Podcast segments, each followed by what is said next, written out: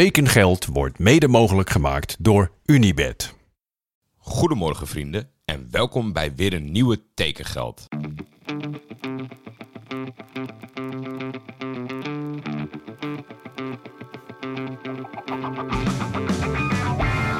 Waar gaat Hildeman naartoe? kan u mededelen dat er overeenstemming is bereikt met Johan Cruijff bij Feyenoord. Navarone voor. Vandaag in andere kleuren, hè? Ja, dat zeker. Dat is wel even wennen natuurlijk. Berghuis, een van de meest besproken transfers ooit, denk ik.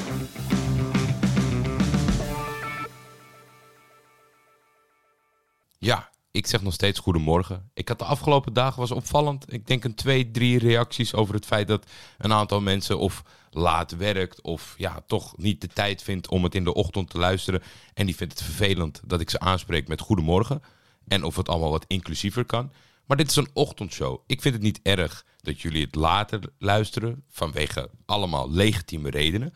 Maar het geheel is een ochtendshow. We drinken een kopje koffie, we gaan richting werk en dan luisteren we tekengeld. Dus vanuit dat perspectief voel je niet aangevallen over het feit dat ik goedemorgen zeg. Het is maar een klein bericht. Dan had ik post en dat vind ik altijd ontzettend leuk. Er zat een begeleidende brief bij. Hey Jordi, afgelopen weekend was ik voor een lang weekend samen met mijn vriendin in Napels. Wat een heerlijke stad. Ik ben in veel delen van Italië, zoals je weet, al vele malen geweest. Napels had ik nog nooit beleefd.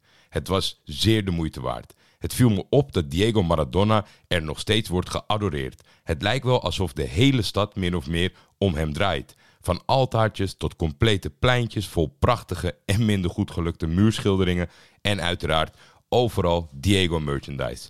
Als trouw volger van de Tekengeld podcast moest ik daarom ook behoorlijk lachen toen ik deze sokken zag. Ik kon ze gewoon niet laten liggen. Misschien passen ze mooi bij je haaienslippers.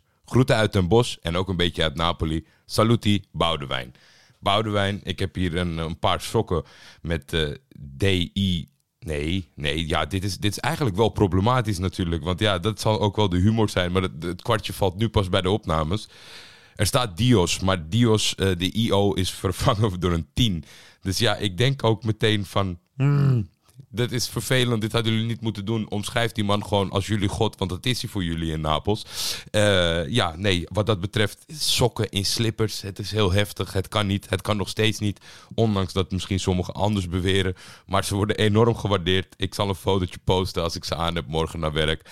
En eh, ontzettend bedankt, Boudewijn alle mensen die geïnteresseerd zijn. Ik weet niet helemaal zeker of dit nog klopt, maar ik hoop het wel. En dan hoop ik ook dat eh, eh, mensen met ambities om de Italiaanse taal te leren, eh Boudewijn gaan opzoeken op Twitter. Dat is Ed Boedok. En ik weet dat hij altijd eh, reizen organiseerde om dan in combinatie met een lekker bakje cappuccino of een espressootje de taal te leren terwijl je daar bent. En dat lijkt mij, ja, een, ik heb niet echt een talenknobbel, daarover later meer. Maar eh, het lijkt mij wel, als je dat wel bezit, een hartstikke mooi uitje. En mocht hij ermee gestopt zijn en jullie vragen het massaal aan, dan geloof ik best dat hij dat weer gaat doen. Nog één kleine korte rectificatie. Het was niet helemaal een rectificatie. Hij voelde zich er niet helemaal goed bij. Maar als ambassadeur van het grote Almere, Jurian Jubas van eh, Met Nerds om tafel. Een fantastische podcast. Ik, ja, ik, ik zit graag achter een computer. Ik probeer wel eens wat in te stellen. Maar ik merk wel bij het luisteren van die podcast dat er een hele andere, andere categorie nerd bestaat. Maar ik zal het absoluut aanraden om dat te gaan luisteren. Ik vind het heerlijk om, eh, om ze te horen kibbelen over van alles en nog wat. Week in, week uit gaat het totaal over andere dingen. Dan gaat het over het automatiseren van je huis. Dan gaat het over zonnepanelen. En, en dan gaat het over computersoftware. Het maakt allemaal niet uit. Ik vind het gewoon een gezellig gezelschap. En eh, ja, als je toch enigszins interesse hebt in technologie of de ontwikkeling daarvan, moet je dat zeker checken. Maar hij zei terecht, en het zat mij gisteren ook. Ik wist het eigenlijk gisteren al toen ik het zei. Maar ik heb gewoon vanuit mijn eigen ervaring in het amateurvoetbal helemaal niks. Misschien zelfs wel een klein beetje een hekel aan Waterwijk en nog een paar andere clubs in Almere. Dus ik zei ja, als je dan in zo'n bodemloze put je opspeelt naar het profvoetbal, dan is dat een wonder. Maar ja, we hebben natuurlijk laatst een fantastische campagne gezien bij Oranje. Dat ze in hun amateurshirtjes op het trainingsveld kwamen. En daar was een shirt van Waterwijk. En laat dat nou net een naam zijn die ik deze zomer niet meer kan uitspreken. Maar dan weten jullie genoeg. Die jongen komt uit de jeugdopleiding van Waterwijk. Dan stond vandaag natuurlijk in het teken van de komst en de presentatie van Burak Yilmaz. Vanochtend ben ik heel vroeg vertrokken samen met ESPN-collega Wouter Bouwman ja, naar het uh, pittoreske Sittard. Ik dacht toch wel dat daar mensen op af zouden komen. Ja, zij het Turken uit de buurt, zij het locals. Want op internet leeft het natuurlijk enorm. Alle supporters van Sittard die op Twitter actief zijn, die weten mij wel te vinden. En, en die hebben genoeg uitingen en die, die, die leven nog steeds een beetje op een roze wolk. Dus ik dacht dat er wel een soort van cultuurshock uh, of, of iets zou ontstaan waardoor wij mensen zouden aantreffen voor het stadion. Die zouden dringen om een glimp op te vangen van Burak Yilmaz. Maar ja, toen we daar aankwamen bleek het zo dat de hele Nederlandse pers was uitgetrokken. Maar supporters, nee. En dat baart mij toch wel een klein beetje zorgen voor. Veel kreeg ik dezelfde vraag van... verwacht je dat er extra kaartverkoop zal volgen? Of denk je dat het vol gaat zitten? Nou ja, ik, ik ben daar toch een beetje huiverig voor geworden. Ik heb volgens mij twee Turkse jongens gezien die van elders kwamen. In, in, die hadden een Galatasaray shirt bij zich. Die wilden graag op de foto en een handtekening. Maar het was allemaal heel sumier. Ja, en dan voor mij persoonlijk. Het is natuurlijk moeilijk. Kijk, ik, ik beweeg mij graag onafhankelijk in de voetbalwereld. Uh, ik, ik, ik, heb geen belangen bij het uh, beter praten over bepaalde spelers of niet. Uh, dat, ja, dat, dat, dat, dat is mij gewoon vreemd en dat wil ik graag zo houden. Alleen is het ook wel zo dat er ook een een jongere Jordi was, die, die diehard Galatasaray supporter is. En in de meest fantastische tijd was toevallig deze spits onze spits, Burak Yilmaz, die heeft mij heel vaak doen laten juichen. En met mij vele anderen. En dan is het toch moeilijk om die knop om te zetten, merk ik. Want er zit gewoon een bepaalde verering in, in de benadering naar hem toe. Uh, uiteindelijk kreeg ik hem te spreken. Ik sprak hem aan met Abi. Dat is een, een, nette manier van aanspreken van iemand die ouder is. Maar feitelijk is hij één jaar ouder dan mij. Dus dat was ook een beetje gek. Maar dat is dan toch wel. Dat zijn van die kleine details. Dat, dat hij toch wel een soort van ontzag bij mij oproept. Voor wat hij heeft gepresteerd voor mijn club. Dat zal ik jullie meenemen in een klein beetje clichévorming van de Turkse man met status, uh, met financiële middelen. Dat zijn over het algemeen. Ook omdat er natuurlijk ontzettend veel van ze gevraagd en verlangd wordt niet de meest hartelijke en sympathieke personen. Nou, er is wel eens gezegd, never meet your heroes. Maar ja, als, als, als de heroes zoals Burak Yilmaz zijn... dan zou ik compleet adviseren om dat wel te doen. Want ja, een, een warm bad, ik kan niet anders zeggen. Hij heeft mij geholpen door ja, toch wel een soort van omstandigheden. Uh, wij hadden ons interview voorbereid in het Engels. Uh, uiteindelijk uh, begreep hij natuurlijk dat ik de taal een beetje beheerste. En toen dacht hij van ja, ik ga niet met jou in het Engels praten. Doe het maar gewoon lekker in het Turks. Dus uh, het roer ging om en on the spot moest ik uh, het interview in het Turks doen. Dat uh, mogen jullie gerust weten. vond ik wel spannend. Dat komt ook een beetje door het feit dat ik de Turkse taal later pas heb aangeleerd. In mijn directe omgeving buiten voetbaltaal het niet heel veel spreek. En dan komt er ineens on the spot op in een formele situatie in principe. Uh, waarin je in de voorbereiding met de vragen die je gaat stellen totaal geen rekening houdt met dat het anders zou moeten. Uh, ja, moeilijke, lange, formele vragen. En ja, ik moet zeggen dat uh, mijn dankbaarheid was groot. Want als ik af en toe begon te hakkelen, had hij wel aan de halve woorden die ik al had uitgesproken voldoende om gewoon zijn antwoord te geven. Omdat hij toch wel wist wat de vraag was. Voor de rest kan ik alleen maar zeggen, en ik, dat, dat zal Wouter ook beamen dat wij in een warm bad zijn ontvangen. Fortuna, hele open, leuke vereniging. En naast alle medewerkers moet ik natuurlijk ook uh, vooral Danny, maar gewoon de gehele Zittert Align podcast bedanken. Voor de ja, in, getoonde interesse en de leuke gesprekken die we daar op locatie hebben gehad.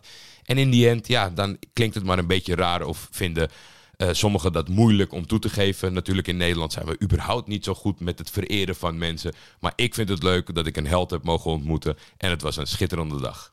Dan gaan we over naar de orde van de dag en naar de transfers. Eindelijk weer een nieuwe inkomende transfer bij de nieuwbakken miljoenenclub uit de KKD Helmond Sport. Peter van Ooyen is de nieuwe linksbuiten van de club. Van Ooyen kennen wij natuurlijk van Heracles, VVV, Emmen. En kwam afgelopen seizoen uit voor KFC Ooyerdingen. Maar er zijn niet alleen inkomende transfers bij Helmond. Want ja, op een gegeven moment eh, met het eh, nieuwe vergaarde budget. Ja, dan, moet toch ook, moeten spelers weg. Want anders heb je zometeen een selectie van, uh, van 50 man. Dat kan ook niet helemaal de bedoeling zijn. Dus de Belgische rechtsbuiten, Dylan Seys, die gaat het avontuur zoeken in Griekenland bij AE Kifisias. Op het tweede niveau. Bij deze club spelen verder geen bekende namen, kwam ik tegen. Maar ik moest ook zeggen dat AE Kifisias ja, je denkt toch vanuit het altijd scannen op livescore en nieuwtjes volgen, dat je op een gegeven moment wel de clubnamen kent. Maar ja, dan had je ook natuurlijk vorig jaar de geïntroduceerde Conference League. Er blijven clubs ontstaan die, uh, waarvan je nog nooit hebt gehoord. Maar we wensen natuurlijk Dylan Seis, Dylan heel veel succes. Damian van Brugge moet de defensie van Almere versterken. De 26-jarige verdediger, geboren in Utrecht, stond de afgelopen jaren onder contract bij Inter Sapresic, Olympia Ljubljana en Slaven Belupo. Maar ja, omdat in deze tijd alle clubs een fantastisch scoutingsapparaat bezitten, heeft dat niet in de weg gezeten om deze jongen te scouten, te beoordelen en uiteindelijk aan te trekken. Jimmy Caparos, de geboren Arnhemmer, maar met een compleet leven in het Duitse jeugdvoetbal. Hij begon bij Weiblingen, nog nooit van gehoord. Toen naar Stuttgart, mooie promotie. Toen naar Schalke. Nou ja, history-wise lijkt het weer een promotie. In de meest recente jaren misschien niet. Hij mag het nu gaan laten zien bij PEC. Het is een verdedigende middenvelder die ik nog nooit een seconde in actie heb gezien. Joel Swartz is de nieuwe spits van Oude Den Haag. De Rotterdammer komt op huurbasis over van Jan Regensburg. En heeft bij Excelsior natuurlijk laten zien het verdedigers in de KKD enorm lastig te kunnen maken. Dan is daar weer eindelijk Telstar nieuws. Het is misschien niet het nieuws waar de supporters op zitten te wachten. Al weten we dat natuurlijk niet. Maar Jorginho Soares, de 22-jarige centrale verdediger, die heeft laten zien dat je kunt blijven dromen, ondanks dat het soms even anders loopt. Hij heeft wel in jeugdopleidingen gezeten van profclubs, waaronder Dordrecht en Heerenveen. Maar speelde het afgelopen seizoen bij ASWH en krijgt nu de kans bij Telstar. Nou ja, die kans, nou ja, eigenlijk, die kans heeft hij al gepakt, want hij was op proef en ze hebben hem goed genoeg bevonden. Dus hij heeft nu een contract gekregen. En dan tot slot vandaag. Nog een boerakeske transfer op de dag dat zijn presentatie was. Anko Jansen naar DZOH uit Emmen. In de eerste klasse. Mijn verwachting over deze transfer is dat beide spelers een soortgelijke impact zullen maken in de competitie waarin ze actief zullen zijn. Nou, dat was hem voor vandaag. Ik moet wel zeggen, op Twitter even goed bedankt. Want ik zag een heleboel mentions en, en tags en dat soort dingen. Ik hoop ook dat ik niks vergeten ben. Maar vanwege het feit dat Fortuna niet om de hoek is bij mij. En ik ongeveer, nou niet ongeveer, maar meer dan vier uur in de auto heb gezeten met Wouter Bouwman. Uh, heb ik jullie niet zoals dagelijks uh, de interactie kunnen geven. Of de bedankjes kunnen. Maar die, die volgen geheid morgen. Blijf dat vooral doen, want het is echt nodig. Ik heb die hulp nodig deze zomer. Maar uh, ik kon vandaag even niet teruggeven wat ik normaal geef. Tekengeld is een Schietvogeltje Media original. En de intro is dus van Jacco den Hertog. Gisteren zei ik den Hartog. Maar ja, ik had ook het Nederlands elftal gekeken. En het werd laat. En dan verspreek je wel eens. Er zat geen kwade bedoeling bij. Maar de intro is dus gemaakt door Jacco den Hertog. En voor commerciële vragen en of samenwerkingen kun je mailen naar schietvogeltjemedia.gmail.com.